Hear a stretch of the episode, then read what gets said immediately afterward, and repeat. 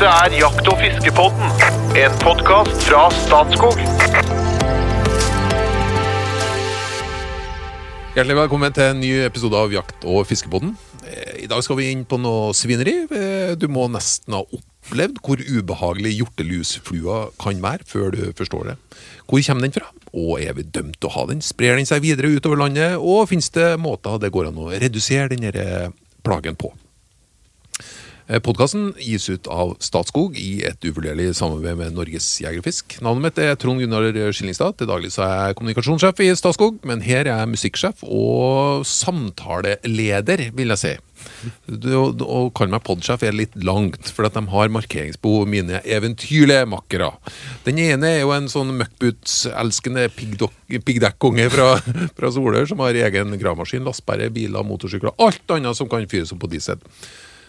Så når alle andre her har booka under, så står den prepperen igjen med dieselaggregatet sitt. Hjertelig velkommen, fagsjef i Statskog og vår egen rypedoktor Jo Inge Bresjeberget. Vær så god. Og tusen takk. Jo, vær så god. Eh, det er et forhold til hjortelusflue. Vi kan starte der med en gang. Ja, det er not. Ja, det er not. Ja, skikkelig not. Men hvis du vil utdype det litt Nei, men vi har jo eh, Jeg har jo vokst opp uten hjortelusflue, og så har den kommet da i, jeg skal moderne tid. Og den er en pest og en plage. Og jeg lurer Nå skal vi få høre med Atle etterpå. Jeg er litt usikker på dens eh, funksjon i økosystemet, det må jeg bare innrømme. Jeg har, liksom, jeg har, jeg har drevet og fundert en del på det, da. Og den er atskillig mer plagsom nede på bygda der jeg bor, kontra inn på Finnskogen. Det kan vi jo sikkert prate litt mer om. Ja, ok. ok. Så den er ikke spesielt plagsom på Finnskogen, men uh, nede på bygda der jeg bor, langs Glomma, der er den veldig plagsom. Og litt mildere vinter. Fikk ikke jeg med meg om du sa det, men vokste du opp med denne plagen? Nei, Nei, den kan vi moderne til. kommer jeg. Mm. Ja. Nei, jeg kunne hvis, ha tenkt meg uten, faktisk. at, Jeg kunne ikke tenkt meg det foruten. ja, det har gått bra. Det har gått bra. Mm. Nei, men uh, over til en som vi skal høre om uh, det svineriet også i Asker. For der har vi en uh, som slentrer halvforberedt langs livets landevei med bluesgitar i den ene hånda og fluestanga i den andre. Han er både kokk, forfatter, informasjonssjef i Norges Jegerfisk og selvfølgelig da podkastens kunstnersjel, Espen Farstad. Hjertelig velkommen! Tusen takk. Hvordan liker du dere hjortelusflua, Espen? Nei, det er not fra meg òg, vet du. Det er plage. Den kom jo en gang på ganske tidlig i Asker, faktisk. Eh, mye tidligere enn oppe hos Jo Inge, vil jeg tro. Så jeg kjente, jeg merka det først, for jeg er jo en ivrig Jeg er jo en sanker, jeg er jo en hamster i sjel. Så jeg var jo ute og plukka blåbær, og ikke minst sopp på høsten. Og da, en eller annen gang sånn i september, eh, før, før, eh, før de kalde nettene kommer, så slår den der hjortelusflua inn, så det er nesten ikke til å gå i skauen. Og, og de siste åra er ja, det er virkelig plagsomt. Og det, det er morsomt, for jeg er medlem på sånn soppgruppe på Facebook. Eh, og der ser jeg at det, der er jo en del voksne damer da, som, er, som driver den der gruppa der sånn, og de er jo begynt å kle De ser ut som birøktere, ikke sant, når noen er ute og peller sopp. Dem, dem er jo, går jo helt bananas. Jeg har et litt mer avslappa forhold til det. det er, og det, rare, det, det er mer plagsomt irriterende enn de på en måte altså Det er jo sjelden jeg blir bitt av en hjortelusflue. Det er mer det der at den kommer rett Og den, den er jo ikke som en mygg som svinser, den kommer liksom rett mot deg sånn, så du, du blir jo litt sånn, ikke sant? Ja. Og det kan være litt sånn belter av dem når du går gjennom skauen, så plutselig så er du inni et sånt hjortelushelvete, unnskyld uttrykket, men det føles sånn, da. Når du står der og slår til alle kanter. Nei, det er not. Ja. klart godt, altså. Nå skal vi inn og høre litt hvordan den egentlig er etter hvert. da, Men du, du har blitt stukket, øh, Jo Inge. Ja, og føler at det det. stikket har liksom plaga deg veldig, veldig lenge. Ja, det stemmer. Eh, For det skjer jo det. Jeg, trodde jo faktisk ikke at de, eh, at de gikk på mennesker, altså at de beit og sugde blod på mennesker når, første gang de kom. For det opplevde ikke jeg. Men eh, i de senere åra så har jeg opplevd det. Og jeg har blitt bitt av dem, ofte i nakken. Og det kan klø veldig lenge. Det blir som et miggstekk, egentlig. Og det kan være ganske plagsomt lenge. Mm. Og jeg vet jeg var ute og sank en mølte i fjor. Det tok, jeg, fikk junior, hadde med meg junior når han tok bilde av Jeg hadde 50 like, hjortelus på ryggen. Det kravler og det kryper. og Det er ganske heslige dyr, altså. Ja. Ja. Nå skal vi høre om det går an faktisk å bli stukket av hjortelusfluen. Eh, For vi har med oss eh, superekspert Atle Musterud, professor ved Universitetet i Oslo. Hjertelig velkommen tilbake til oss. Takk for det. Det er hyggelige omstendigheter. Litt flott, litt hjortelusflue. Det er trivelig. Bedre kan det ikke bli. trivelig besøk. Du, går det an å, bli stukket av hjortelusflue? Det går an å bli bitt, men jeg har også samme erfaring. Jeg har vokst opp uten det der eh, faenskapet, for å si det rett ut. Og det er klart at det ødelegger jo hele høsten. Før liksom var det når myggen var vekk, så var høsten deilig å være det. ute. Ja, det var det. Og nå er eh, de periodene eh, fra særlig litt sånn midtveis i september og, og til frosten kommer, så er det jo en stor plage, rett og slett. Jeg, det vanligste er at du kjenner Jeg har hatt med tusenvis av hjortelusflue, og jeg har kanskje blitt bitt eh, tre-fire ganger. Ikke ofte, nei. Nei. Eh, Men de er jo ikke noe effektive vektorer, for de hopper ikke fra hvert til hvert. Men de har de arver et smittestoff som heter bartonella. Og det sies at de, det at det klør noen ganger, og det kan klø opp i flere måneder, og helt opp til et år har vært rapportert, da tror man at det er en infeksjon med bartonella, men dette er man ikke helt sikker på. Men de kan bite, og det kan klø lenge. Du får sånn klump, sånn klump på huden nå, ikke sant? Det er ganske ekkelt. Er det noe å gjøre med det, eller skal vi bare la det være? Tenk på noe La annet. være å klø. Det er ikke så mye å få gjort noe med. Nei, nei, så det er en infeksjon, men det hjelper ikke å smøre på noe. Eller? Nei, da må du gå til en lege. Jeg har aldri tenkt den tanken. Og du er sånn, du. Det er sånn. Men eh, vi, vi skal ta et eh, litt, kanskje litt vanskelig valg eh, allerede i starten av podkasten. Du skal få starte, Atle. Hvis du får fjerne med et pennestrøk, så fjerner du enten flått eller hjortelusflue. Hva fjerner du da? Jeg tror faktisk jeg ville tatt hjorteløsflua. Den er den som påvirker deg mest og øh, senker trivselen på å være ute. Mens selvfølgelig flåtten er jo farligere objektivt sett. Ok, da røk hjortelusflua. Espen? Ja, den, det samme hos meg. Altså Flåtten har jeg på en måte vokst opp med. Den der hjorteløsfugla har kommet som en sånn der plage de senere åra. Den, eh, og den er mer plagsom, ja. Ja. Ja, det har vært ganske enkelt for meg, for jeg, jeg har jo ikke flått. Der jeg bor i prinsippet veldig lite, da. Og hjortelusflue har jeg en masse. Jeg hater dem. Så, så jeg ville jeg ville kvitte meg med dem først. Ja. Vi var jo en tur inn i Finnmarka. Da var det med oss litt hjortelusflue inn i bilen etterpå. Mhm. mm -hmm. Men eh, hvor kommer denne skapningen fra, da, Atle? Nei, Vi må jo ha litt sånn perspektiv på hvor at de hjortedyrstammene vi har nå, det er jo historisk. på en måte. Så Går du tilbake på 1800-tallet, så hadde vi jo ikke rådyr. Rundt 1850 fantes jo ikke rådyr i, i Norge, det var bare i sør i Skåne. Eh, Bestanden av elg var veldig lave. Eh, Hjorten var altså pressa helt tilbake på noen få områder på, på Vestlandet, og reinsdyra var nesten tatt ut. Så det er klart at det var ikke vertsdyr. Og så har du hatt uh, hjortelusflua på kontinentet og i Sør-Sverige, har vært der hele tiden. Og så må du på en måte ha en viss tetthet av hjortedyr før de kan spre seg. Så man har jo veldig godt tidfesta, altså 1983 ved Halden på en elg, at det blei dokumentert sikkert første gang. Og ved intervjuer med folk så var det nok vært der noen år før det.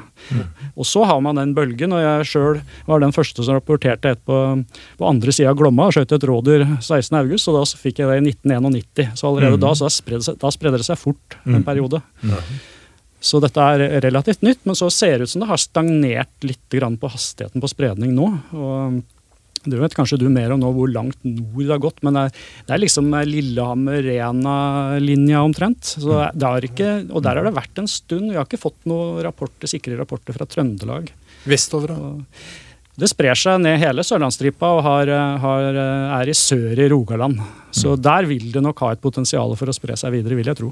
Og Det, det vi merket da, når vi fikk en, det var jo på 90-tallet vi fikk en til meg, det var at uh, elger de klødde jo fælt, elger, og de klødde rett og slett av seg pelsen. Altså, de så ut som ei semske skinnjakke. Altså, de første, uh, vi hadde noen, noen tilfeller da, som elg sprang mer eller mindre uten pels og klødde og klødde og klødde, og ble avlivet da, av viltnemnda, som het det den gangen. For at de ikke skulle fryse i hjel.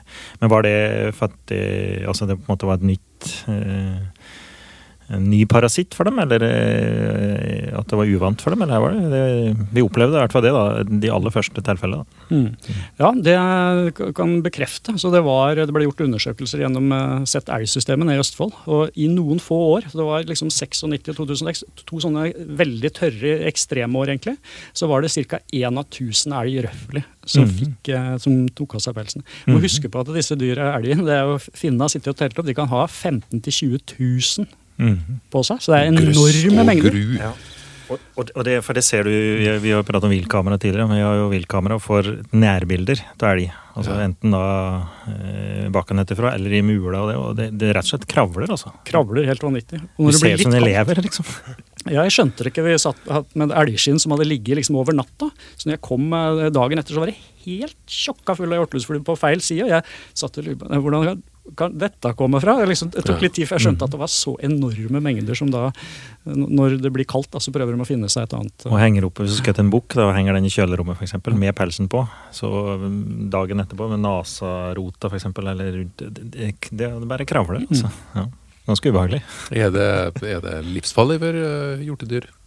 Nei, og det er igjen det at det er veldig vanskelig å måle effekten av det. Så vi, ja, det, er veld, det er ikke klart om det har en stor effekt. Det ser ikke ut til å påvirke dødelighet. Og de som mister eh, skinnet, man merka jo noen av de, eller mista pelsen, mm. de eh, kommer seg inn og får tilbake det seinere.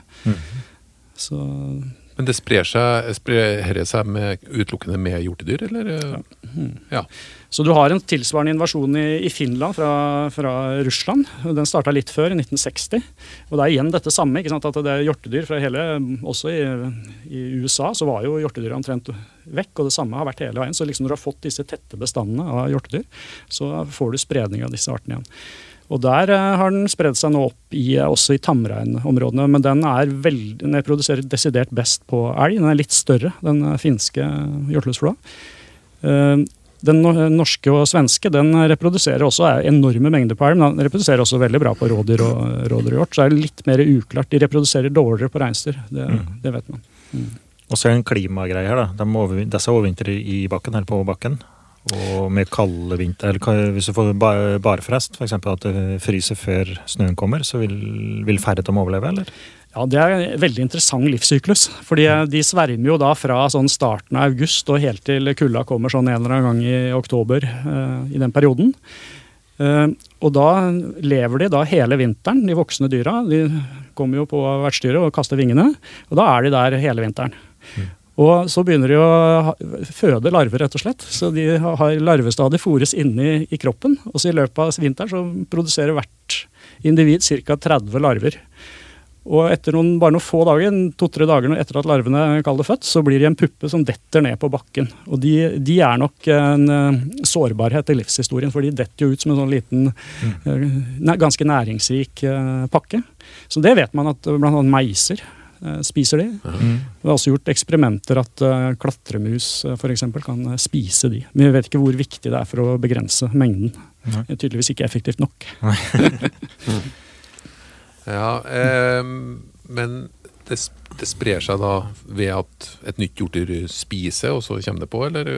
Nei, det er nok eh, det er at de svermer, rett og slett. Så de sitter jo klar i et område, og så når det kommer et hjortedyr, så flyr de ned på det. Okay, okay. Så det er puppene er på en måte utgangspunktet når de klekker og blir et voksent. Så det er jo interessant at det samme når de faller av i løpet av du kan tenke deg fra tidlig høst og til sein vinter, så klekker de og flyr på samme tid omtrent. Det er et veldig interessant system sånn rent biologisk, hvordan de får til det. Men tettheten er, er den for lav i Trøndelag, Nordland, Troms, Finnmark? Nei, det er nok, da er det nok mer klimarelatert. Vi trodde jo at denne kom til å sveipe oppover. Hele og vi ser, i, ser i Finland så har den gått betydelig lenger nord. Og det tror vi rett og slett er at den er litt større og kanskje litt, tåler kulda litt bedre, men dette vet vi ikke sikkert. Jeg syns jeg så nemlig et medieoppslag for ikke sånn alvorlig lenge siden at det, det, var ikke, at det ikke var klimarelatert med hjortelusflua. At, at, for jeg lurer jo på om eh, jeg unngikk det, siden jeg er jo litt mer robust oppe i Trøndelag men litt dårligere vær. Så tenkte jeg noen fordeler har vi.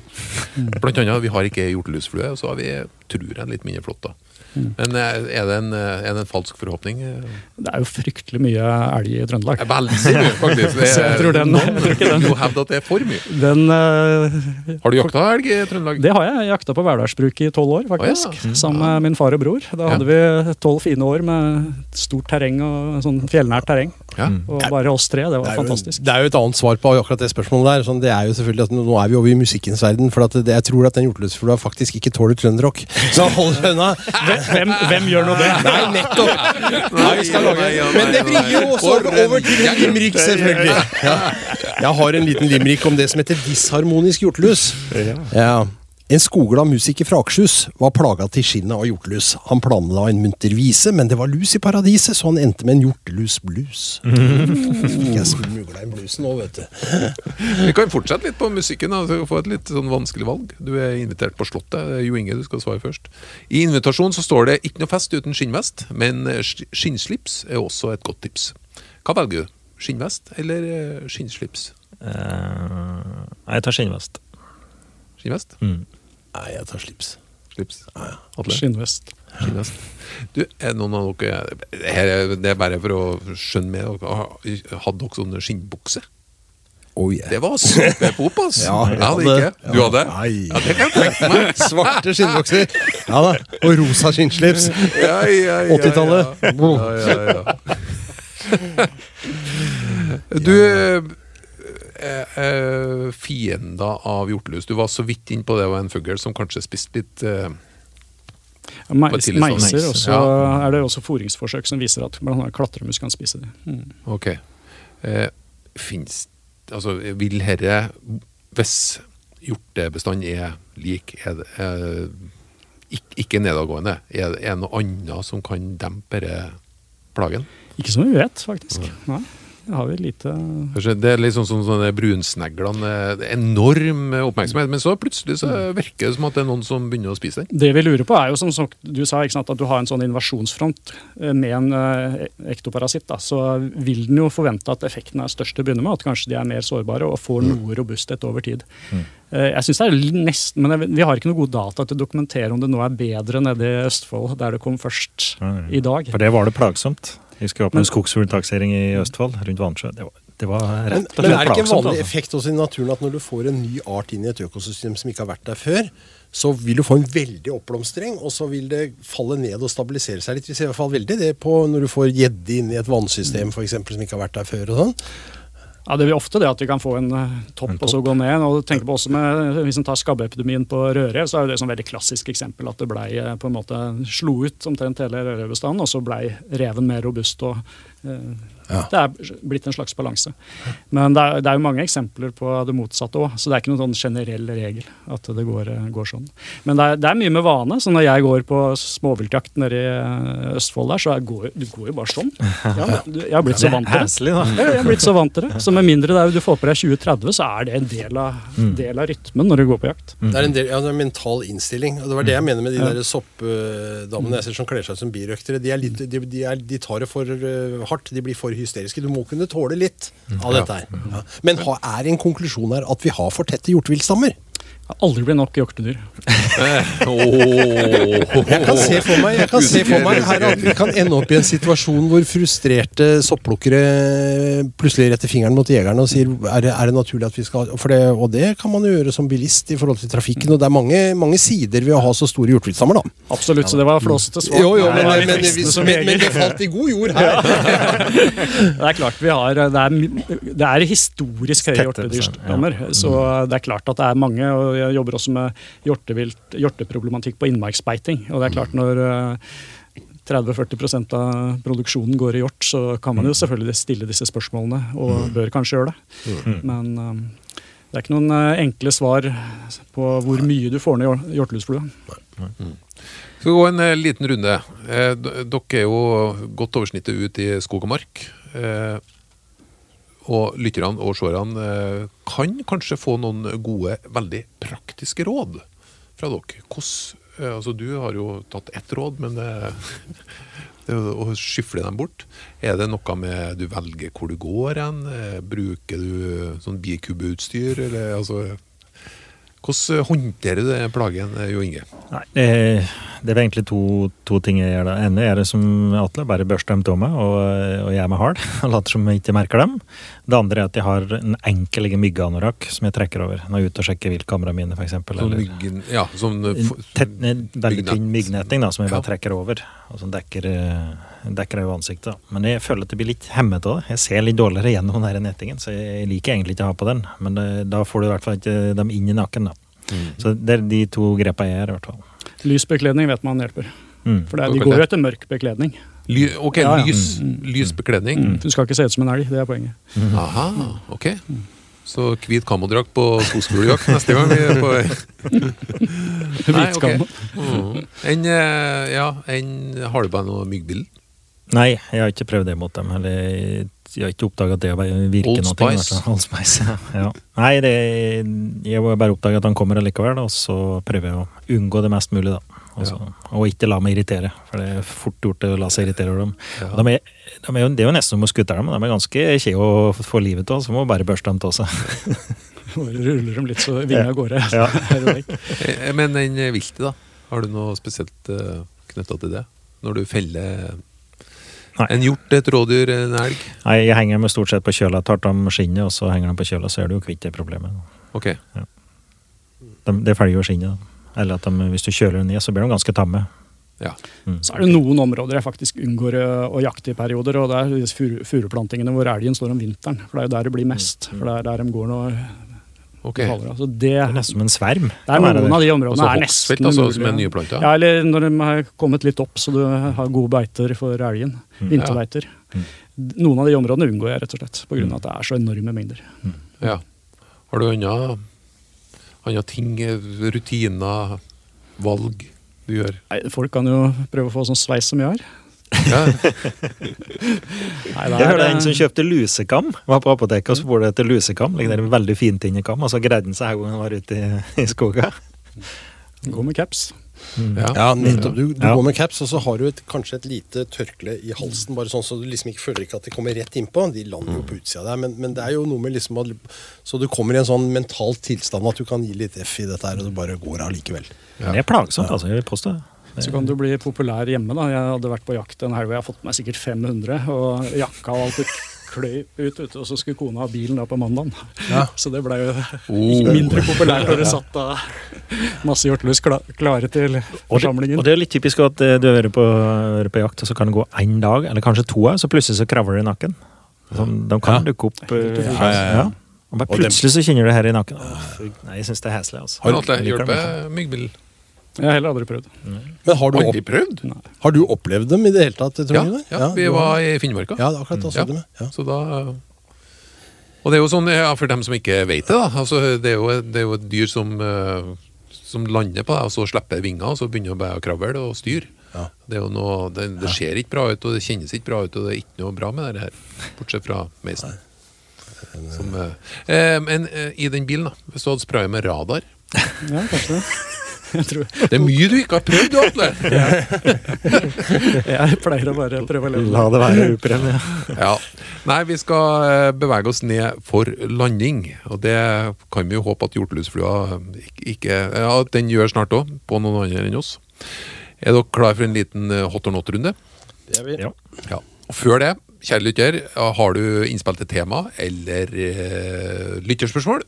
Vi tar gjerne imot det. Så plutselig, hvis det blir nevnt på, eh, i Aktivistbonden, så ender du opp med en T-skjorte som ikke kan kjøpes for penger. Det skal også en eh, Atle Musterud få. Ehm, så han kan eh, stå og undervise sine elever med Jakt- og fiskebonden-tiuren på brøstet. Det blir vakkert. Hot or not, Uh, Espen først, Atle nummer to, Jo Inge nummer tre. Rognkaker, hot or not? Ja, det er godt. Not. Eh, not. Torskeoppdrett, hot or not? Not. Not. Not. Hjorteoppdrett, hot or not?